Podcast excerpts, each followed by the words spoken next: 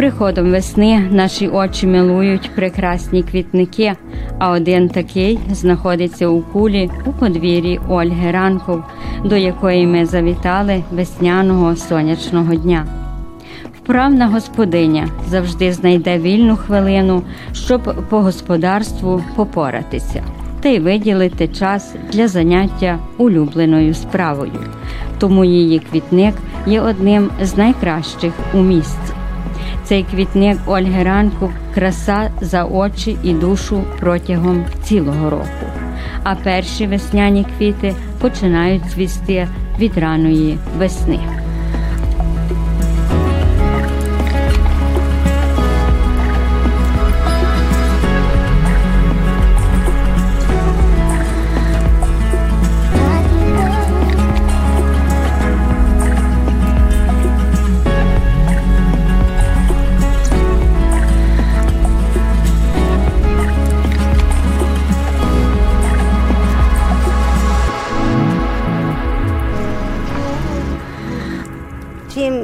Паніще время, пере- перестане той сніг, нижче чи мороз, онде я йду, чупкаю траву, да не буде. Але більше сам се то видумала, як буду робила сам все. То вже одно 20 років то є. І так, що як я собі то полегко, полегко собі все більше і більше. Певно, мені ще сюди сама нашиє, вийти, куди вона по берегу, то сюди, то туди. Я його не шию. Але ми ж із початку то сам так трошечки клала, ще не торис. Воно розрослося. Воно ще розросло і тепер маю багато, що приходять би мені давала.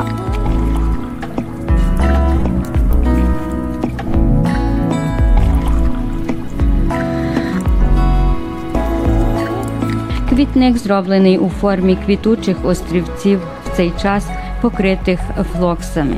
Це дуже невибагливі рослини. Зацвітають вони в квітні, причому яскравий килим зберігає свою декоративність протягом цілого місяця, все до травня місяця. А цей розпорядок квітів на грядках придумала сама господиня.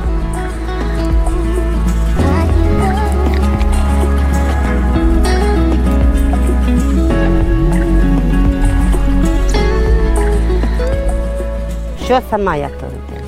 Що сама тубла і, і як ще не знаю, дворіки, і все, то що сама повіймала. Чоловік, як пішов з роботи, на мене почав качати. Я 30 років нього, а ти то все мені каже за один день. Як він піде, я туди живу. То. Зробили так, що я люблю дуже квіти. Дуже-дуже люблю їх. І не дам, як то, один малий ми верву був е, ту толепанити, лало, як ви кажете. Я сам за ним біциклом летіла скрозь там на чошок і качала нашу метореву. Куліжанку сам мала, але тепер я не знаю, де вона мені пішла, що ще з нею десило.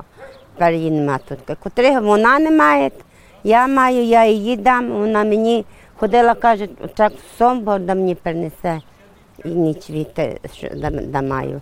А ви бачите, во, що така сходять тут його, вони така жовта лілія, дуже файно. А маю і білу лілію, маю ще якусь, не, не знаю як, видите, вон тамечка. То маю я, тварно маю дуже файні квіти. Хто годна де йде, я Оля, що ти файні квіти, я Оля, що ти файні. Хочеш ми продати, хочеш ми дати реку. Не дам тепер квіту, яку як я даю доки перечвітить, перейде, кажу, айде перейде туди дамте. Їх нема, я туди там несу і кидаю ту його, в смітті. Вони дуже сонця люблять. Я стаю, як горячу дуже, я стану рано, де пів четвертої, залию їх. Люблять воду. Так, люблять воду.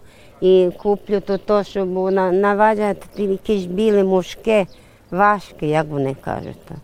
То, піду там болю приріду, апотеку, то куплю і собі так поперскаю з метлом, і, аби не жила. Бо знаєте, як знають жісти? Ті ж павуки чорні, то ми були жили скрозь, але зато й мені так і нема тих вово, по, по, щоб- бо вони жили мені.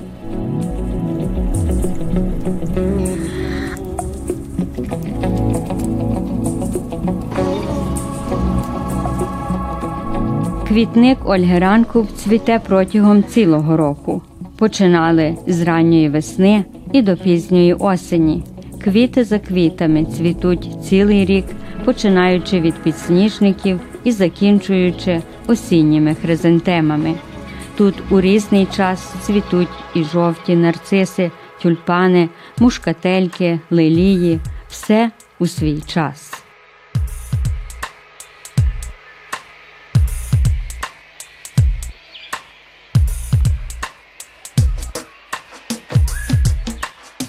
Більше починають вісі баби і як ще називають, то жовте. Нарциси. Є, є. Е. Зразу після них вони. Да. Так що вони більше туди зачнуть.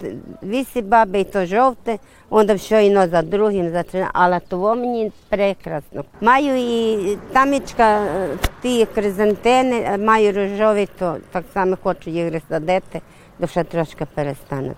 Воно так, що мені квіти за квітом йдуть, знаєте як. І ні переходять другі цвітуть, і ні переходять другі цвітуть. Стану рано і файно то собі позунтайте востежки, Е, Як треба заливати, позаливаю, сапаю. Тепер вже не можу сапати, саме траву помикаю, би, би не До коли вони цвітуть? Так десь ще початком апреля почнуть цвести і туди вони. Ціле Недовго- літо? Не, не буду вже по тому. Так думаю, десь що я знаю, до котрого маю буду то його. І потім вже насіння туди будуть мати, але не можу ніяк злапати насіння собі. Туди починають лілії, знаєте. Де має лілії, он де лілія туди цвіте.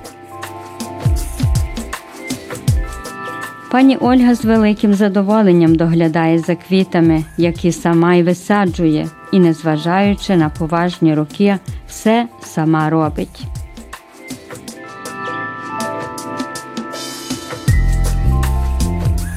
А хто вам допомагає ще тут? Ніхто, сама, Все самі.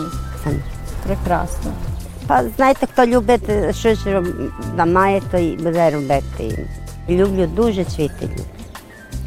Я маю ті мушкательки, штамка вон. То як мені зацвітуть, то йду, то йде. І на докторка, доктутка була, вона йде і студувати каже, ні, комшинці. Я не знаю, що мене каже, тєне ваша башта. Я кажу, саме як вона тєне, саме ще дивіться. Я ще люблю, кажу, що ви дивитеся на них.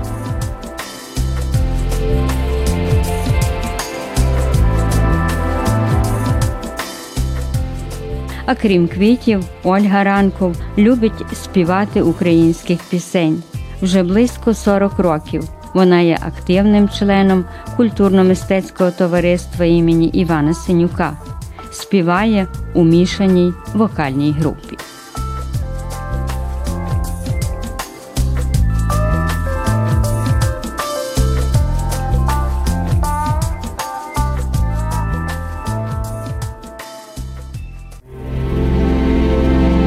Gledate paletu. Izbor iz emisija na jezicima nacionalnih zajednica.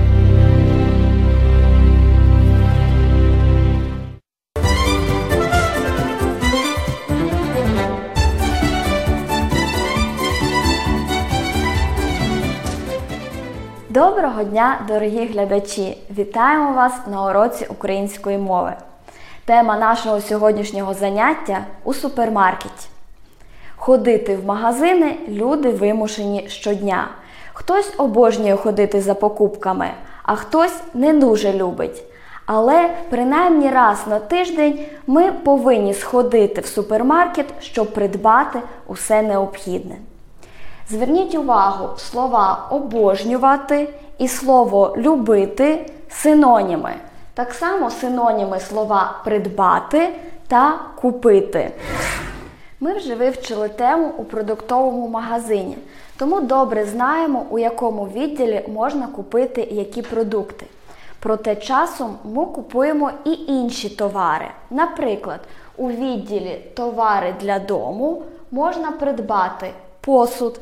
Пригадаємо, які назви посуду ви вже знаєте. Це тарілка, ложка, виделка, ніж, чашка, склянка, каструля.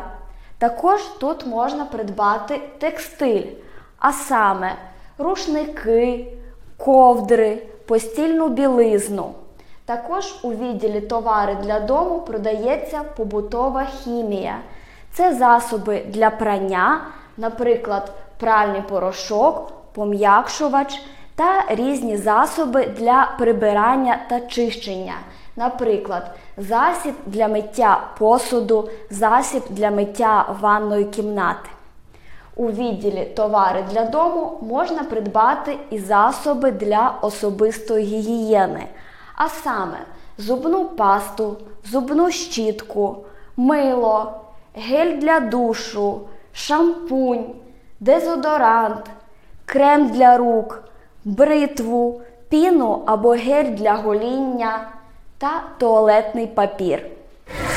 У відділі товари для дітей, який також є у кожному супермаркеті, можна придбати дитячий одяг, засоби для гігієни, тобто підгузки, дитячу пудру, олійку та, звичайно, іграшки. У відділі декоративної косметики жінки можуть собі купити лак для нігтів, пудру, тональний крем, рум'яна, помаду, туш для вій, тіні. У відділі зоотовари можна купити усе необхідне для ваших домашніх улюбленців.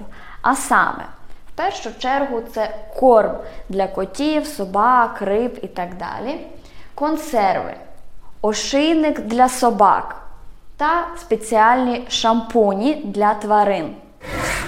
У канцтоварах продаються зошити, олівці, ручки, кольорові олівці, фломастери, альбоми для малювання, різноманітні фарби, ножиці, папір та багато іншого. Мабуть, ви вже помітили, що деякі іменники в українській мові використовуються лише в однині або лише в множині. Лише в однині використовуються іменники на позначення продуктів, наприклад, молоко, масло, м'ясо, борошно, цукор, на позначення речовини, залізо, бетон, цемент, сукупності предметів, одяг, взуття, посуд, назви почуттів, любов, щастя та назви деяких овочів та фруктів, наприклад, картопля, капуста, морква, часник, малина. Частина іменників вживаються лише в множині. Це іменники, що позначають предмети, що складаються з двох і більше частин. Наприклад, ножиці, окуляри, штани, двері, гроші. Також назви деяких речовин та продуктів, наприклад, парфуми, вершки. Та назви деяких абстрактних понять будні, канікули, вихідні, вибори і так далі. Дорогі глядачі, на жаль, наш сьогоднішній урок закінчився. Але ми обов'язково побачимося наступного тижня. На все добре!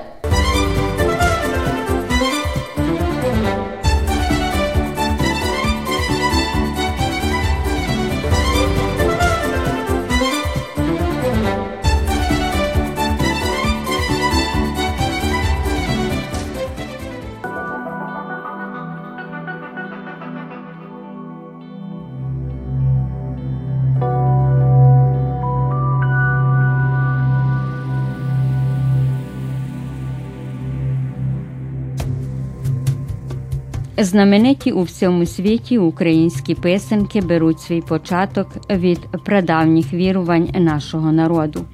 Найперше яйце за прадавнім міфом мало всередині не жовток з білком, а зародок цілого світу. Розмальовані яйця, писанки уособлювали Всесвіт і присвячувалися сонцевій весні, а розписували їх напередодні свята весни. Писанка не просто сувенір чи прикраса, це символ народження життя, любові до ближнього. Вона вважається шедевром декоративно-прикладного мистецтва, завдяки якому учасники цього сакрального дійства мають можливість доторкнутись до прекрасного та власноруч створити свою унікальну писанку. Із цієї хвилини, коли на яйце наносився орнамент, воно переставало бути простим яйцем, а ставало святою писанкою, бо ж були ці орнаменти не простими малюнками, а таємничими знаками, пов'язаними з магічними обрядами. Сьогодні люди розучилися читати писанки і навіть не здогадуються, про що нам може вона розповісти, про що може розповісти той чи інший малюнок. Писанка символ життя. Писанка вважалася вірним помічником і захисником наших предків. Дарувати писанку означало бажати щастя, здоров'я, доброго врожаю і достатку. І до сьогоднішнього дня, напередодні Великодня, малюються писанки, відбуваються майстер-класи, де діти пишуть писанки та вчаться, а вишиваються до великодніх свят і рушнички для кошиків, салфетки з вишитим значним словом. Христос Воскрес, воістину Воскрес! До Великодніх свят у краєзнавчому музеї відкрита виставка Свято Христового Воскресіння.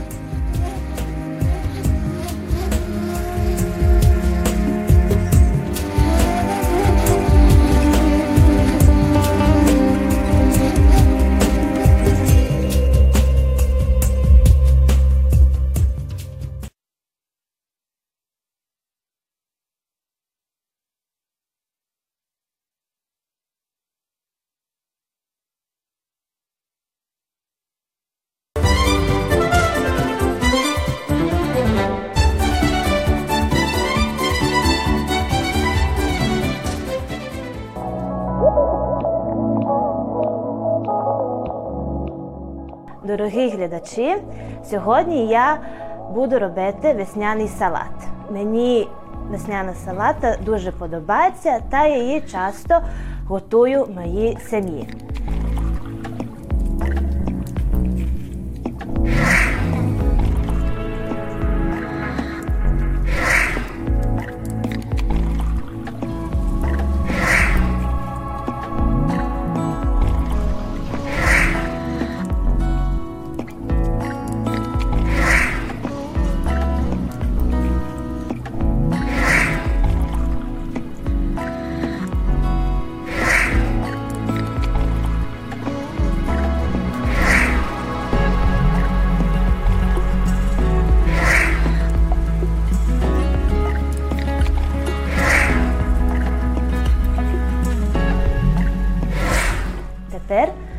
ми можемо почати робити салат.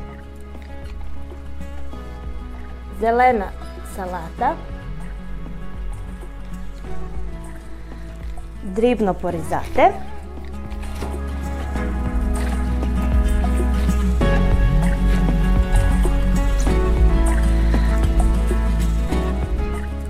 Та покласти в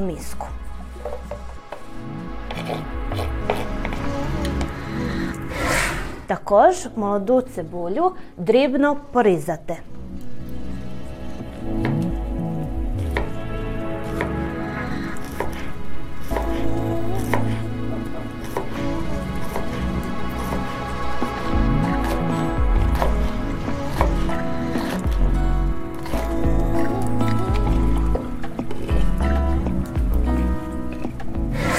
Тепер кріп порізати на дрібно.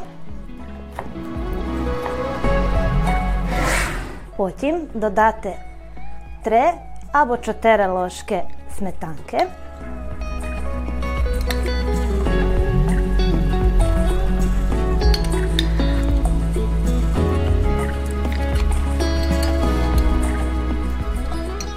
Додати сіль по смаку.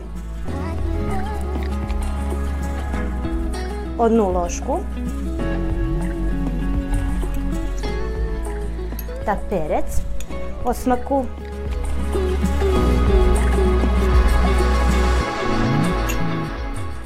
Додати 2 ложки олії.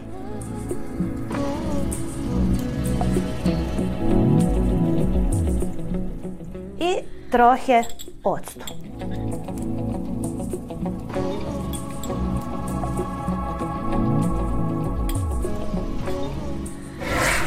Потім зелену салату перемішати.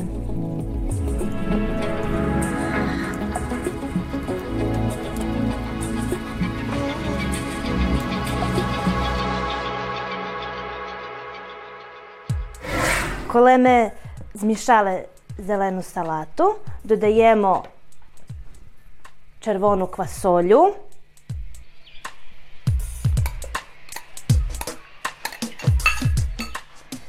Та солодку кукурузу.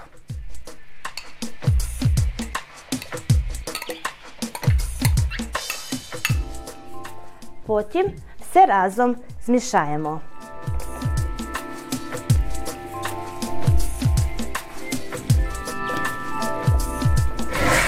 Весняна салата готова. Та я її прикрашаю вареними яйцями та кропом.